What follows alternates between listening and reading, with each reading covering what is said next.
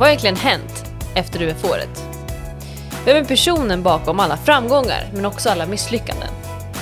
Det här är en podd från UF-alumner till UF-alumner. Jag heter Tina Brahimzadeh och nu ska vi in på djupet med UF-alumni. Välkommen till avsnitt 3 av På djupet med UF-alumni. I det här avsnittet då ska vi träffa Jonas Kasawi. Han är grundaren för företaget Advent.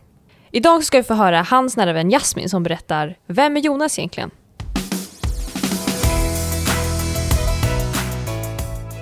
En sann problemlösare. Det är vad jag tänker när jag hör Jonas namn. Jag och Jonas har varit vänner i cirka åtta år nu. Vi träffades när jag började i hans klass och har varit väldigt goda vänner sedan dess. Redan från början märkte jag att Jonas utmärkte sig en hel del från alla andra. Han tänkte steget längre och såg på världen med nya och nyfikna ögon, vilket jag alltid har beundrat hos honom. När vi andra exempelvis diskuterade vad vi skulle studera härnäst på universitetet pratade Jonas om att starta företag som skulle hitta lösningar på viktiga samhällsproblem. Om inte det att vara unik så vet jag inte vad. Men Jonas är också mycket mer än så. Han är en underbar vän och medmänniska. Man vet alltid vart man har honom och han skulle aldrig tveka att ställa upp om det skulle behövas. Som grädden på moset ger han dessutom inslag av humor i en annars så dyster vardag. Tja Jonas! Tjena! Vilken fin presentation! Eller hur? Wow, många fina ord. Verkligen. Mm. Jag kan säga att eh, det är lite roligt. Jasmin är ju faktiskt också min nära vän. Eh, som jag faktiskt lär känna dig genom. Eh, och jag kan bara säga att jag håller med om exakt allting det hon berättar om dig. Oj, oj, oj, I alla fall av det jag har sett hittills. Ja. Men jag tänkte att hon är absolut den perfekta personen att eh, ha intro på. Absolut, absolut. Hon kan leva upp till det som förväntas. Ja, eller hur? Men hon är också den som har gjort det här möjligt. Så det är väl självklart att hon ska få presentera Ja, mig i det här. Gud vad fint sagt. Men att du är här, det beror ju egentligen bara på dig och vem du är, tycker jag. Ja, så kan man absolut säga också. Eh, du är ju UF-alumn. Det är ju också Stämmer. en av anledningarna till att du sitter här. absolut. Du har alltså drivit ett UF-företag. Stämmer väldigt bra. Vad, vad drev du för UF-företag? Jo, jag drev ett UF-företag som hette Life Tutorial UF. Och, om man lyssnar på namnet så hör man kanske lite vad vi höll på med. Mhm. Men det var egentligen att vi som ungdomar kände att man inte hade så bra koll på vad som skulle hända efter det vuxna livet. Eh, och det var ju dels för att skolan inte undervisade i ämnen som liksom förberedde oss inför det vuxna livet. Eh, att nätverka, att söka jobb, att hitta en bostad och liksom liknande frågor. Så vi tänkte då att vi skulle samla information för ungdomar, förenkla informationen och samla det på en och samma plats. Så vi hade då gjort en hemsida där vi hade samlat information som var liksom anpassat för ungdomar. Ehm, och så kunde man då ta del av det här innehållet digitalt eh, och få hjälp med liksom sina ärenden. Schysst. Mm. Hur gick det då liksom? Ja, det gick eh, förvånansvärt bra Mm. till slut. Mm. Eh, Det var väl en utmaning att eh, skapa en hemsida såklart. Just. Och det kanske var en stor task att göra. Att Gjorde samla ni det helt själva eller? Ja, precis. Alltså, hemsidan var ju dock simpel att forma i och med att vi använde, Vismas program. Men det var ju såklart ut, en utmaning att eh, liksom fixa en hemsida och dels informationen. Mm. Att samla den på så kort tid. För vi drev ju bara UF-året. Eller UF ett år. Exakt. Eh, så det var liksom tajt. Mm. Men det gick bra till slut. Coolt. Nu skulle jag säga att du är expert på att göra hemsidor. Det tycker inte jag själv, men man har väl utvecklat liksom ett sinne för det och kan det såklart mycket bättre. Ehm, Men det finns såklart människor som är hundra gånger bättre än mig på det. ja, men alltså om jag får säga utifrån dig då, så, eller om dig, så är det ju så att du har ju hjälpt mig att bygga min hemsida. Eh, jag kan säga att den hemsidan skulle absolut inte finnas om det inte var för Jonas. Eh, extremt många sena mejl, eh, tidiga månader, du har skickat massa introvideos på hur man ska göra, så mycket hjälp, så hjälpsam. Verkligen. Ja, men all cred till dig ändå som liksom har gjort det själv också. Alltså, jag har ju, gjorde ju den resan innan dig. Jag tänker att om jag kan hjälpa dig i fem minuter eller skicka en liten videoguide till dig, det, här, det besparar så mycket tid och energi för din del att göra din egna hemsida. Sen är det du själv som har förstått dig på det och gjort det också. Och det är klart att man kan ifall man vill och det har ju du gjort. Idag så nämnde jag lite kort i introt att du dri- driver Advent. Ja. Och det är lite på samma spår som UF-företaget du drev, eller? Det heter ju inte samma sak, men vad är det för något? Det är ju inspirerat utifrån det vi drev under UF. Liksom, jag har ju alltid velat driva bolag och eh, jag kände ju att jag ville driva bolag efter studenten nästan på en gång. Och då tog jag lite med mig av de idéerna som vi hade under UF-året och det företaget vi drev där. Och liksom jag kunde ju snabbt koppla de där frågorna som vi tog upp på den sidan med eh, nyanlända och deras integration i svenska samhället. Att det berör liknande frågor. De kommer hit liksom till ett helt nytt land, en ny kultur och ett nytt språk. Liksom. Hur har man koll på saker och ting och vad för hjälp får de av eh, samhället? Så jag tänkte liksom att eh, det kan man också eh, koppla till nyanlända och skapa någonting på liknande sätt. Så det är absolut inspirerat från eh, UF-företaget som jag drev. Och hur, hur byggs den här hemsidan upp så man kan hjälpa nyanlända? Vad är liksom grunden i affärsidén? Eh, själva tanken är att man ska kunna automatisera eh, integrationsarbetet genom att vi digitaliserar integrationsarbetet. Så det som är tänkt då det är att man ska kunna automatisera ärendeshanteringen för nyanlända. Så alla ärenden de har med deras kommun, med eh, myndigheter ska man då kunna göra mallar av och publicera digitalt. Och sedan liksom enkelt tillgängliggöra information och vägleda dem i deras ärenden. Istället för att man skapar ett beroende av att hela tiden vända sig till myndigheter eller kommuner för att få hjälp med deras ärenden. Och sen så kombinerar man det med så mycket mer också som liksom utbildningar och andra aktiviteter som hjälper dem i deras integration och etablering.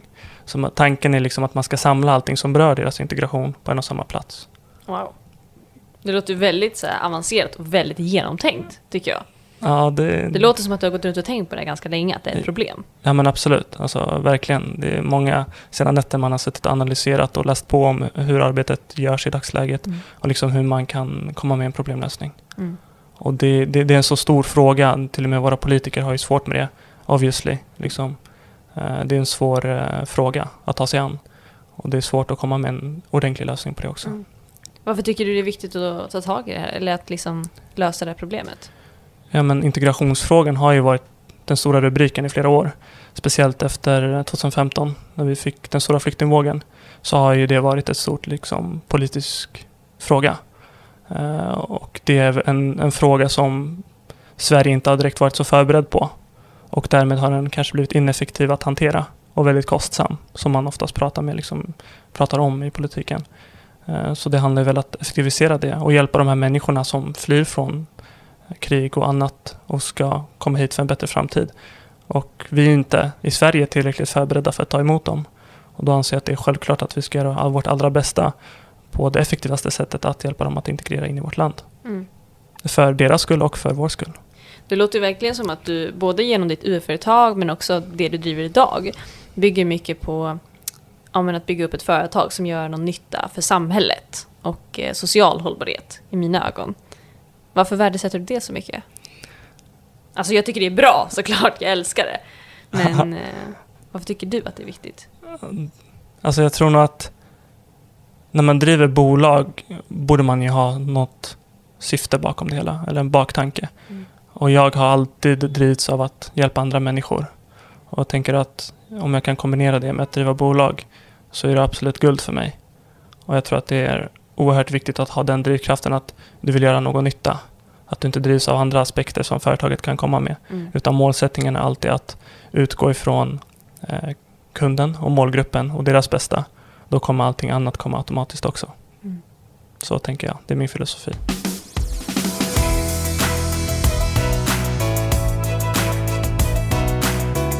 Men du sa lite, nämnde lite innan här att eh, du alltid har velat driva ett företag. Hur kommer det sig? Jag tror nog att det börjar från barndomen egentligen. Jag har alltid känt liksom att det har varit kul att handskas med pengar, eh, komma med lösningar på olika problem och har egentligen i min vardag sedan jag var liten och hållit på i de banorna. Liksom på vilket en, sätt? Liksom en tidig ålder eh, hantera mina egna pengar, att samla ihop mig pengar och det har ju också med min familj och bakgrund att göra såklart.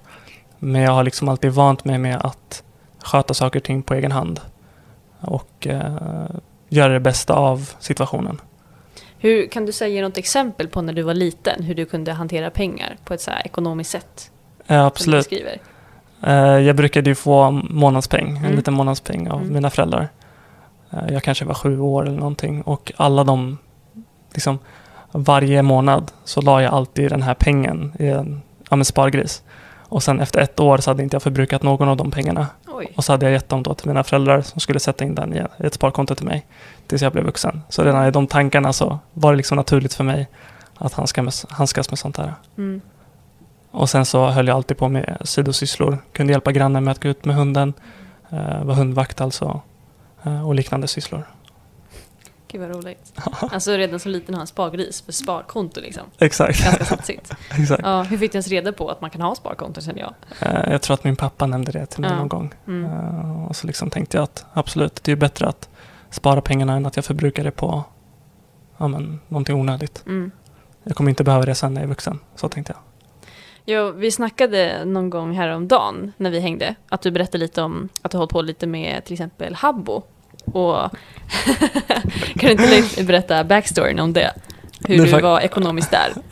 Det är faktiskt en rolig historia och jag tror säkert att många lyssnare kan känna igen sig om Habbo Hotel och de som inte känner till Habbo Hotel, det, det fungerar ungefär som Sims. Mm. Eh, Men Habbo Hotel hade ju liksom en egen valuta som kallades för Habbo Mynt. Och det Yes. fanns ett system som hette Habbo Klubb, eller HC. Mm. Eh, Så det var liksom internt att alla ville vara HC och alla ville ha Habbo Mynt. Och jag var väldigt ung när Habbo liksom var hett. Så eh, samma där som i det verkliga livet behövde man liksom gå från noll till någonting. Och jag tyckte att det, det fascinerade mig liksom. Det är egentligen kapitalism men eh, jag började egentligen från noll när man började till exempel ja, på Habbo. Mm. Och så tyckte jag att resan var e- så extremt rolig att gå från noll till att samla på sig så mycket som möjligt. Eh, och liksom som typ åttaåring lyckades jag samla ihop mig för förmögenhet på flera tusen kronor. Oj. Alltså i verkliga livet. Eh, sen kan man också säga att Habbo Hotel hade sina mörka sidor. Mm. Och det var med, väldigt många liksom som eh, bedrog barn såklart. Ja. Inte så bra. Nej, absolut inte så bra. Men det fanns roliga aspekter med spelet också som också bidrar till kanske den synen man hade på ekonomi och Mm. någonting som leder till att man kanske blev van med att hantera pengar och tänka hur man ska förhandla och förstå sig på bedragare. Mm. Ja, intressant. Och det var en kul grej liksom, det Ja, här med, med det är en Hotel. rolig historia. Ja, men precis.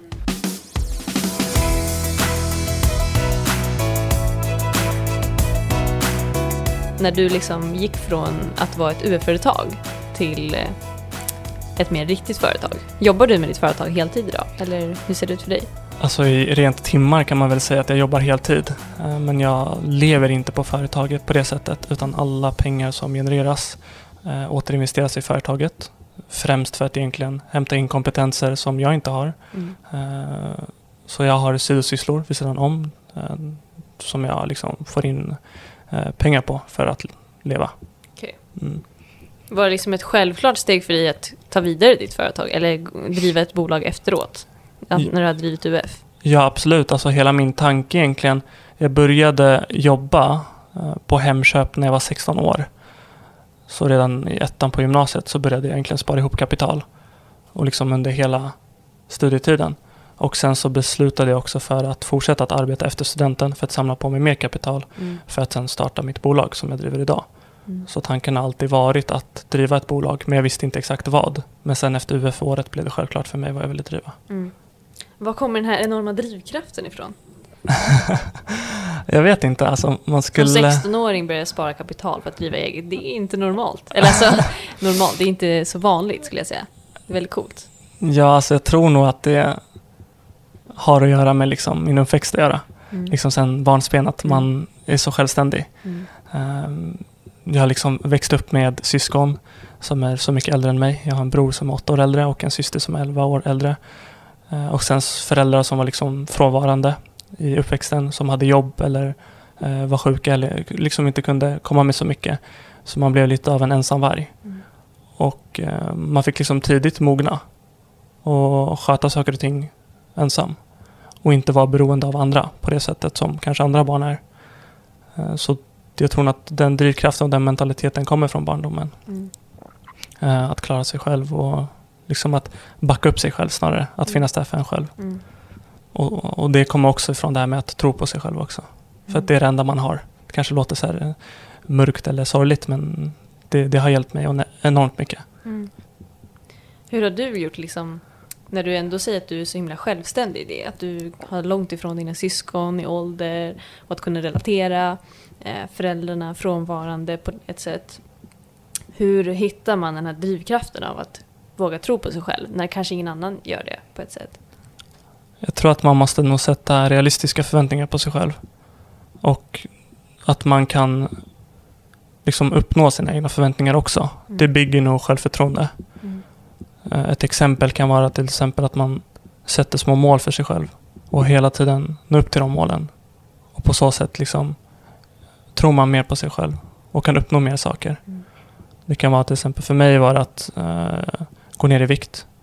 När jag var 16 år var jag överviktig. Och jag satte mål för mig själv att gå ner i vikt. Och på det sättet kunde jag också se att jag klarade av det här. Och då kan jag klara av så mycket mer också. Så det är viktigt att man utsätter sig själv för obekväma situationer och få pröva på sig själv och liksom konstant utvecklas.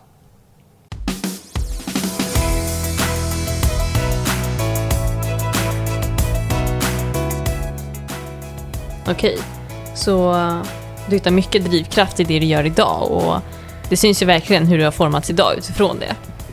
Men jag tänker mycket på liksom hur det var för, för liksom unga Jonas.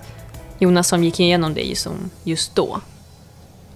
Hur kändes det för dig? Kände du dig ensam i allt det där?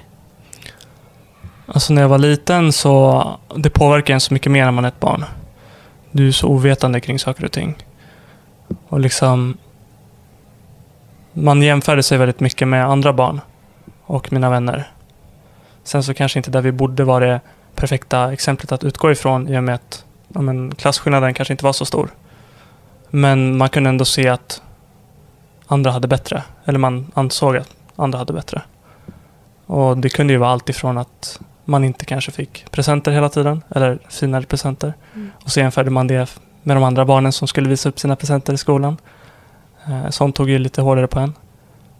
Och liksom, ända sedan jag var barn så liksom har speciellt min pappa varit eh, väldigt sjuk.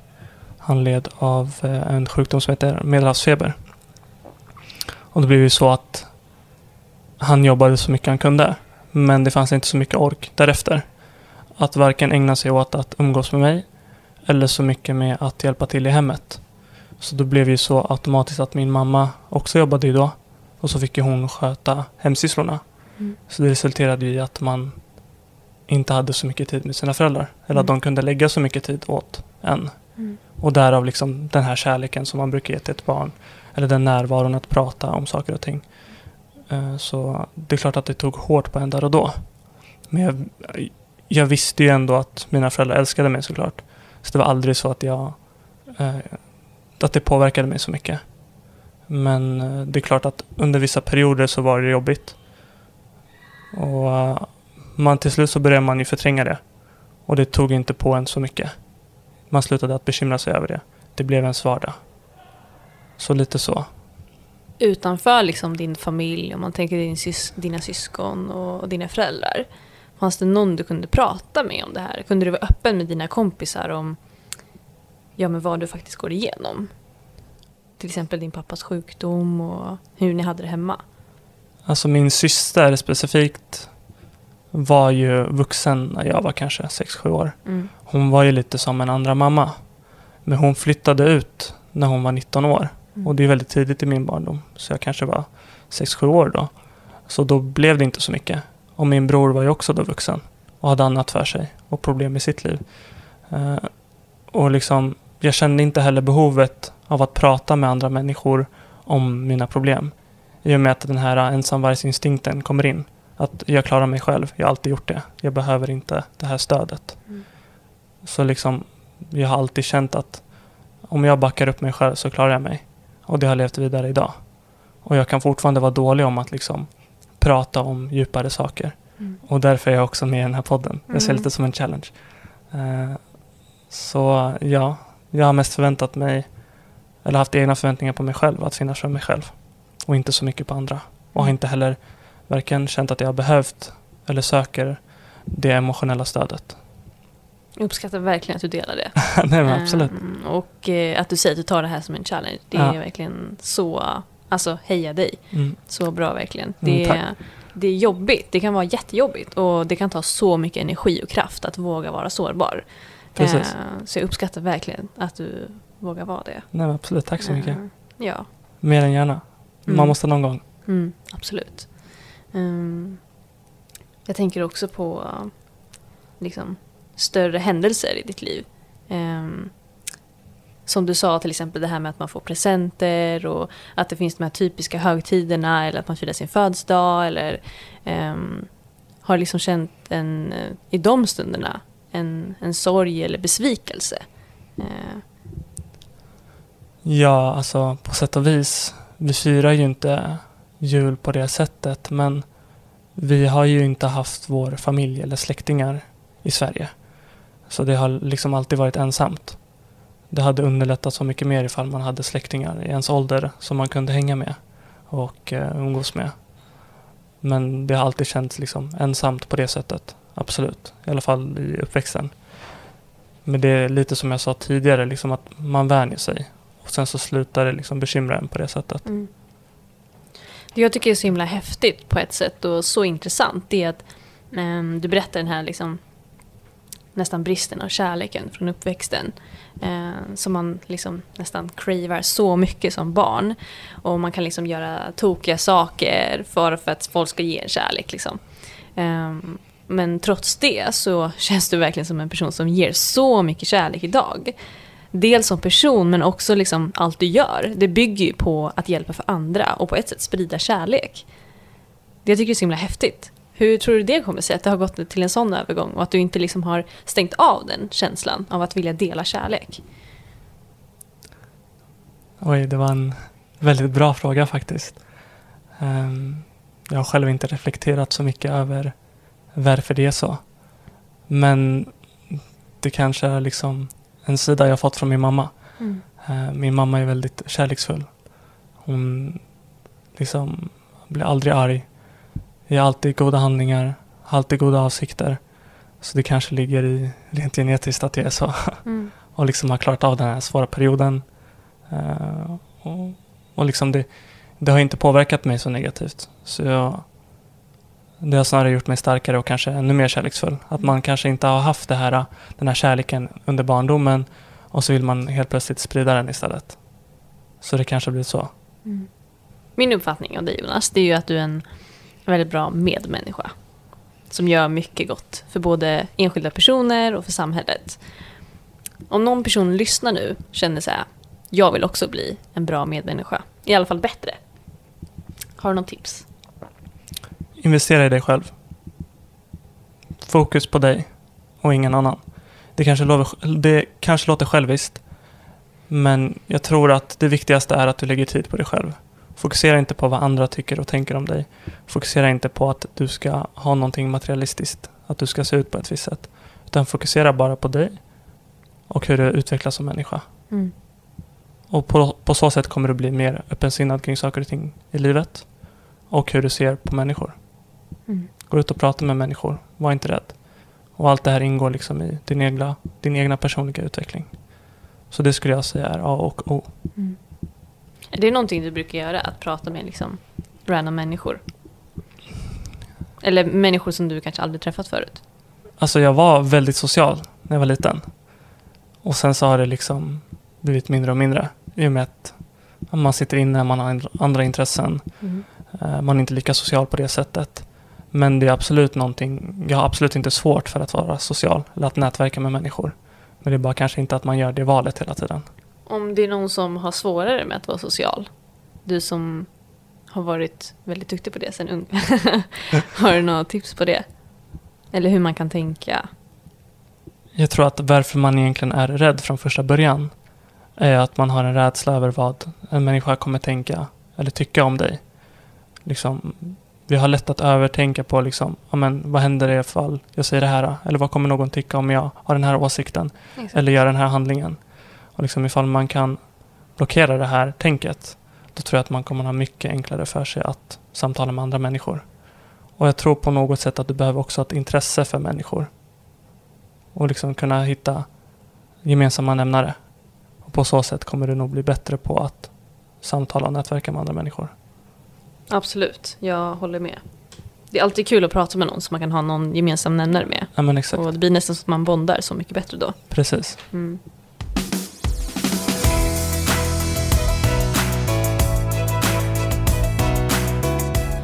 Men jag tänker så här Jonas, det, det kanske är lite svårt att förstå rent konkret vad ni egentligen håller på med, eller ditt företag Edvent. Kan du berätta lite mer i detalj? Vad innebär det? Vad är det ni jobbar med? Eh, det är egentligen en digital information och eh, läroplattform som samlar information om landets myndigheter, arbetsmarknad och näringsliv och syftar då till att förenkla och tillgängliggöra informationen så att den blir anpassad på bästa sätt för nyanlända. Och tanken är egentligen att kunna effektivisera den här arbetsprocessen med nyanlända och på något sätt automatisera ärendeshanteringen av eh, ja, men olika ärenden med myndigheter, kommun, eh, arbete eller annat för nyanlända.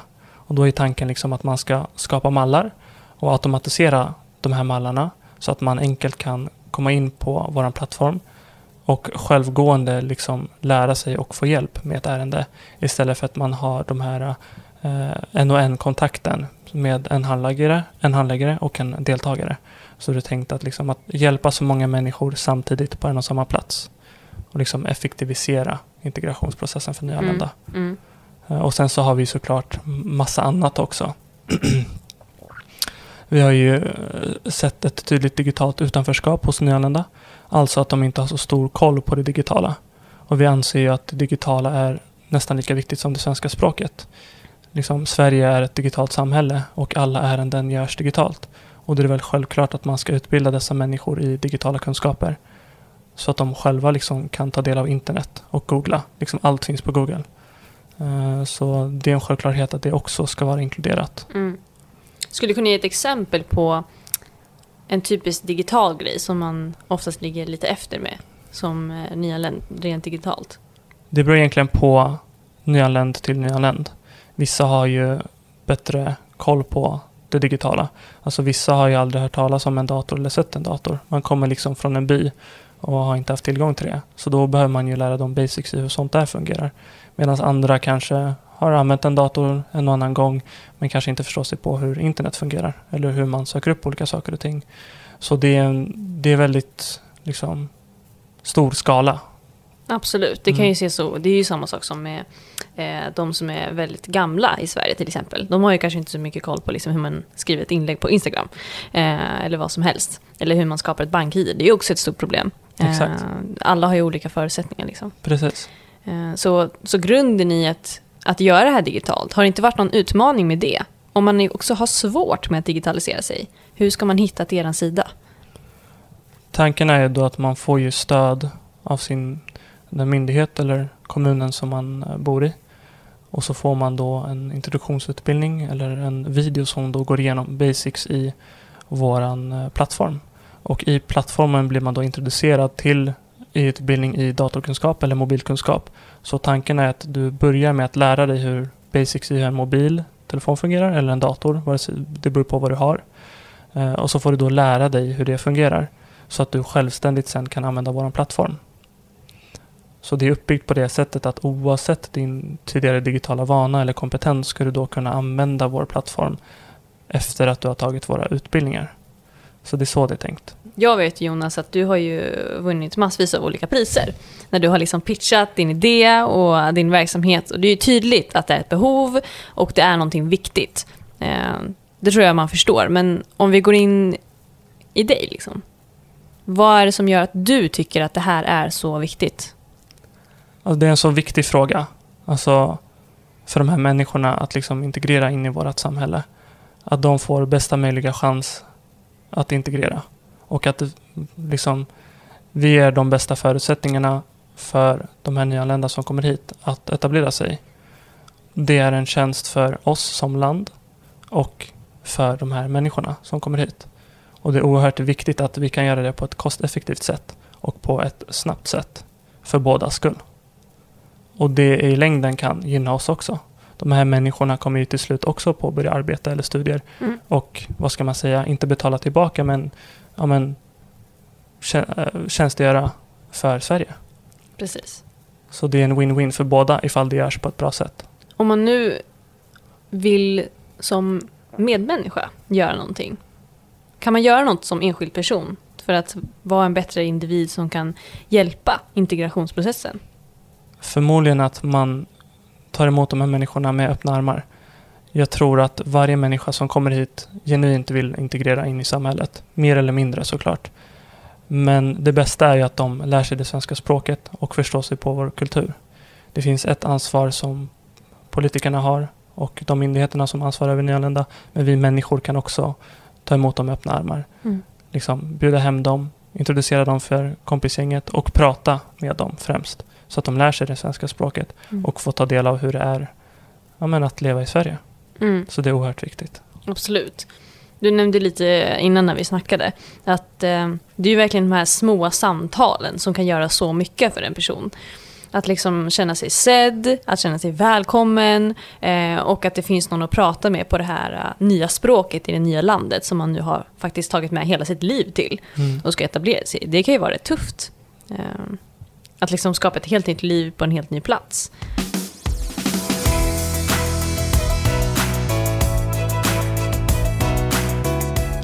Men Jonas, vad har du liksom stött på för utmaningar på vägen? Jag tänker, om vi börjar med liksom resan efter ditt UF-företag. Då du liksom startade upp ett event, ska liksom stå för och pitcha för kommuner om din nya idé. Hur gick det? Det fanns faktiskt en del utmaningar i det hela. Alltså dels att gå från UF till AB. Men den större utmaningen var ju att skapa produkten. Alltså jag hade ju ingen som helst kunskap i egentligen webbutveckling, skapa system eller hemsidor. Och tanken var ju att köpa in någonting. Men det var ju oerhört dyrt och jag tror nog att ifall man vill skapa någonting som är så här omfattande så behöver man nog göra det själv för att kunna underhålla och utveckla vidare. Istället för att vara beroende av en aktör som sköter det. Så en stor utmaning var ju att lära sig själv att webbutveckla. Och liksom, vi satt, Eh, jag och min eh, barndomsvän och eh, kollega, kollega eh, Axel satt eh, under en hel eh, sommar egentligen. Jag tror det var 2019 satt vi och eh, varje dag minst 10-12 timmar lärde oss och, och utvecklade version efter version för att testa på olika saker. Eh, och till slut så gick det i mål i alla fall för en betaversion som vi sen tog vidare för att försöka pitcha in då. Mm. Så det har nog varit den större utmaningen så här långt i alla fall. Mm. Det är såklart en konstant utmaning att möta de stora behoven som finns eh, och lösa det här stora samhällsproblemet och frågan eh, i sig är ju den största utmaningen. Mm. Men sen så finns det också utmaningar i att nå ut till kunden. Mm. Och det är oerhört svårt att liksom få tag i eh, olika chefer eller ansvariga för frågan i olika områden i egentligen hela Stockholm. Eh, och det är svårt att få en chans att presentera det här i och med att man liksom är så van eller man har redan en metod att jobba med och det blir så svårt att ställa om. Det är en så stor skillnad att gå från analog till digitalt och automatiserat. Mm. Eh, Men liksom vad man kan säga till det är att förr eller senare kommer allting att förmodligen digitaliseras. Och det är bara en tidsfråga. Mm. Så varför inte börja nu? Exakt. Jag tycker ändå det är intressant så här, när du eh, pratar om det här att även fast du pratar om utmaningar så låter du så himla säker i att det är bara att göra liksom. Eh, har du aldrig liksom tvekat så här, nej jag pallar inte mer. Nu, nu lägger jag av. Det finns flera gånger som jag har känt liksom att det är så oerhört många hinder. Och liksom ifrågasatt ifall jag går i rätt riktning. Eh, Gör jag rätt för mig just nu? Borde inte jag bara utbildat mig? Men liksom i slutändan kommer man till syftet och visionen. Och det är alltid det som är drivet. Men jag har aldrig känt att jag ska hoppa av. Det har jag aldrig känt så här långt. Men det finns självklart utmaningar på vägen och hinder på vägen som jag också inte kan kontrollera. Liksom, när man ska försöka lösa ett samhällsproblem så finns det många aspekter som inte jag tar hand om och som jag inte kan kontrollera Mm. rent politiskt och Mm. hur arbetet ser ut. Och då får man inte låta det bekymra en heller Nej. och fokusera på det man kan förändra. Och det tankesättet har jag också liksom i allt i livet. Mm. Liksom att ifall det finns någonting som bekymrar mig, förändra det. Men ifall det är någonting som jag inte kan förändra, låt det inte bekymra mig. Hmm. Så så tänker jag. Wow, gud vilket nice motto. Den ska jag verkligen ta med mig. Det. Det är så bra, för det känns som att det är så ofta man lägger så mycket energi på att försöka lösa någonting som man kanske inte ens kan lösa. Eh, och ma- att man lägger så mycket tid på sina bekymmer än att faktiskt bara lösa dem i vissa Mm. situationer. Verkligen. Mm. Så jag håller med dig till 100 procent. Men jag tänker liksom på ett personligt plan under den här resan. Har du mött några utmaningar där? Ja, alltså det har ju alltid varit en utmaning att utvecklas och nå upp till förväntningar. Det jag gör idag trodde jag absolut inte att jag skulle göra för två år sedan. Liksom, I eh, trean på gymnasiet så hade jag svårt för att hålla en presentation för klassen. Eller bara enskilt för en lärare. Nu kanske jag håller presentation för politiker och eh, chefer på kommunen utan Ja. problem. Liksom. Så det är klart att det har, funnits, det har funnits utmaningar på vägen dit. Liksom att man har behövt utvecklas. Och då får man liksom nästan ha en tunnelvision till målet. Och eh, ursäkta uttrycket, man får ju skita i det som eh, säger åt en eller trycker ner en. Och bara köra på det. Så det spelar ingen roll hur jobbigt någonting är, bara överkom det. För att det viktigaste är målet i slutändan. Jonas, brukar du drömma dig bort i framtiden? Jag brukar drömma mig bort förmodligen lite för mycket. Och ibland för mycket för mitt egna bästa. Men jag tror att det också är oerhört viktigt att drömma sig bort. Det är väl det som håller drivet igång. Och då är det inte alltid drömmar om materialistiska saker eller Eh, status eller sånt där. Utan sånt där bryr jag mig absolut inte om. Utan det är att det är att ta någonting från ingenting till att bygga upp någonting som människor kan relatera till och som hjälper människor. Ehm, så absolut, drömmar är viktigt. Har du någon så här specifik dröm som du kan liksom se dig själv i framtiden vilja ha eller åstadkomma? Det kan vara på ett såväl karriärmässigt eller personligt plan. Det finns väl två grejer, Mm. en som är personlig och en som är karriärsmässigt. Spännande. Jag vill nog driva ett bolag liksom, och det här bolaget och nästan revolutionera branschen eller sektorn.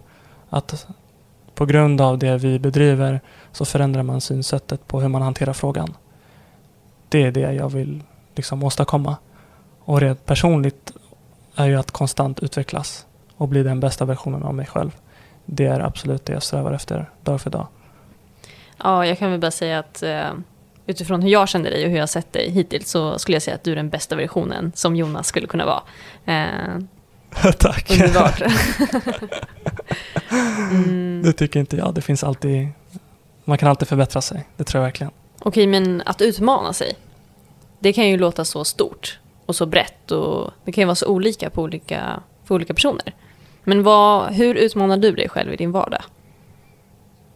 Jag tror att utmaning börjar någonstans ifrån att man har en rädsla. Eller att man är obekväm med någonting.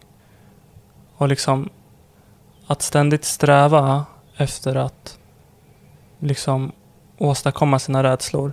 Det tror jag, det tror jag leder till att man vågar utmana sig själv och utvecklas. Vi kanske pratade lite det, om det innan, men en sak som var oerhört viktig liksom i min början, eller i startfasen, det var min eh, viktnedgång. Så när jag var 16 år gammal så gick jag ner 30 kilo under ett år. Och det hela började egentligen med att man var rädd för att gå till gymmet. Man vågar inte erkänna för sig själv och liksom ha den självinsikten att ja, men jag är ohälsosam. Jag lever ohälsosamt. Jag ser ut på det sättet jag gör. Och liksom att man går ifrån det till att göra någonting åt det och göra en skillnad. Så jag tror att det gav mig också styrkan senare att överkomma andra rädslor och utmana mig själv. För att efter att man har uppnått eh, att klara av eller att överkomma en rädsla så blir det så mycket enklare framöver. För att man börjar tro på sig själv. Så mitt tips är ju egentligen att ständigt utmana sig själv. Men ändå också ha en realistisk ribba. Att man börjar lågt och hela tiden jobbar sig uppåt. Så att man själv inte liksom förtvivlar på sig själv och liksom har för stora förväntningar. För att om man inte uppnår dem, då kommer man verkligen trycka ner sig själv. Kan det vara liksom en fördel att sätta absolut höga mål och utmaningar men också små så man känner att man kan bocka av saker? Absolut, du ska alltid ha en hög målsättning. Men det viktigaste är att du hela tiden ständigt jobbar efter små mål. För på så sätt bygger du, på det sättet bygger du ditt självförtroende.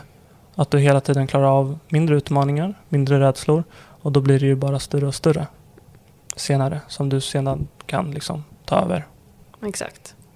Asbra. Är det någonting som du gör dagligen? Ja, det skulle jag vilja säga. Mm. Och det är väl det jag har gjort tills nu. Mm. Och mål, alltså bara att tänka över hur man tänker kring saker och ting idag i jämförelse med för två år sedan så är ju målsättningarna målsättningar som var stora då är ju de små idag.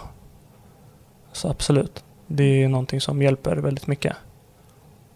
Och någonting som har fungerat är ju att man visualiserar väldigt mycket. Att man sätter sig i scenarion eller situationer där man överkommer någonting. Alltså att du i ditt huvud gör upp en bild där du klarar av någonting. På det sättet kommer du och din hjärna vara mer familjär eller tro på sig själv för att de har redan gjort en bild av när du lyckas. Så det tror jag också är en bra metod att använda.